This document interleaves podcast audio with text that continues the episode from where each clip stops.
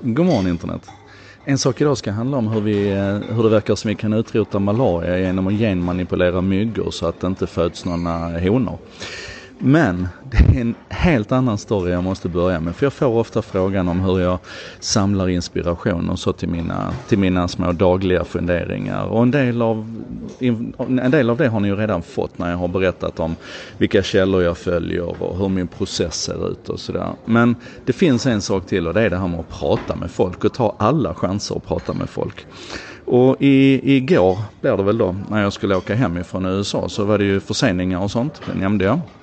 Och jag behövde helt enkelt eh, åka från en annan flygplats än den där jag stod och väntade.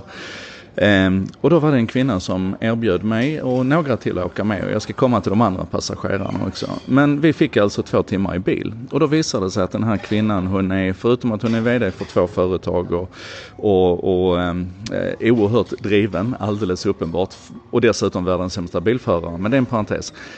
Hon är alltså professor i precisionsmedicin och hon är en av eh, nyckeldeltagarna i Obamas initiativ. Jag har ju kollat upp det här och allting stämmer. I Obamas initiativ som han startade 2015 där man avsatte 215 miljoner till ett arbete med just precisionsmedicin. Och precisionsmedicin det handlar egentligen om att man istället för att, att gödsla ut medicin i, i breda allmänna doser så när någon är sjuk så ska man titta på den personens eh, unika förutsättningar och med nästan motsvarigheten till laserkirurgi så sätter man in exakt rätt medicin. Och här är man ju nere på molekylär och cellnivå och, och det handlar ganska mycket om, om DNA. Och då kommer vi naturligtvis till att prata om CRISPR och det var helt underbart att sitta och, och, lyssna och få tillfälle att under två timmar fråga henne om de här sakerna. Men en sak som hon berättade är att man nyligen har släppt en rapport, den är färsk sen i måndags. Där, eh, nu ska vi se här vad de heter, det här institutet som har släppt den. Det är alltså en, en London, eh, en Londongrupp med forskare. Eh, Imperial College i London. De har alltså gjort en studie där man med ett stort antal myggor i, i en kontrollerad, kontro, under kontrollerade förutsättningar, alltså i burar, har eh, injicerat myggorna med, med eh, en, en, en DNA-uppsättning som gör att det inte, de, de bara genererar manlig avkomma. Och det här skjuter man ju in med CRISPR då, som vi har pratat om tidigare, alltså där du kan gå in och manipulera generna i levande eh, organismer. Och sen när de då förökar sig så kommer de med stor sannolikhet då att inte föda några, eh, några honor i den, i den populationen.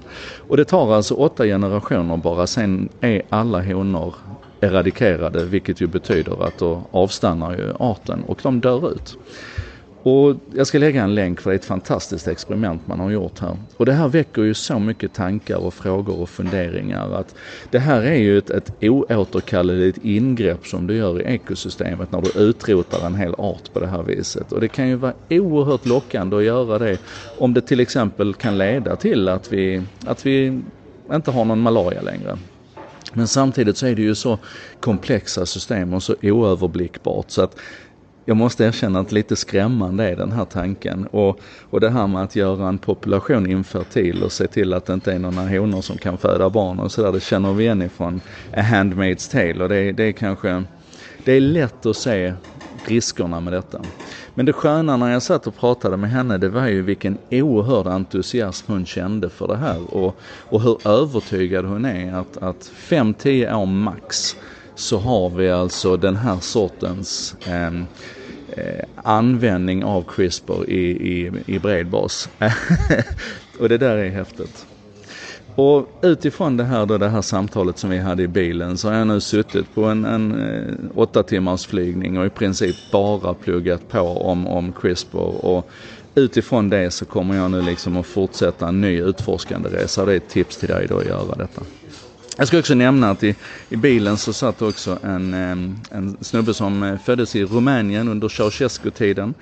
Han lämnade Rumänien som 15-åring och jobbar numera i Sao Paulo och eh, jätteintressant att höra hans idéer om eh, kommunismen och, och vart samhället är på väg. Och eh, jag delade också bilen med en banker som en gång i tiden hade pensionerat sig men hans fru tyckte att det var för jobbigt att ha honom hemma så att han hade börjat jobba nu igen.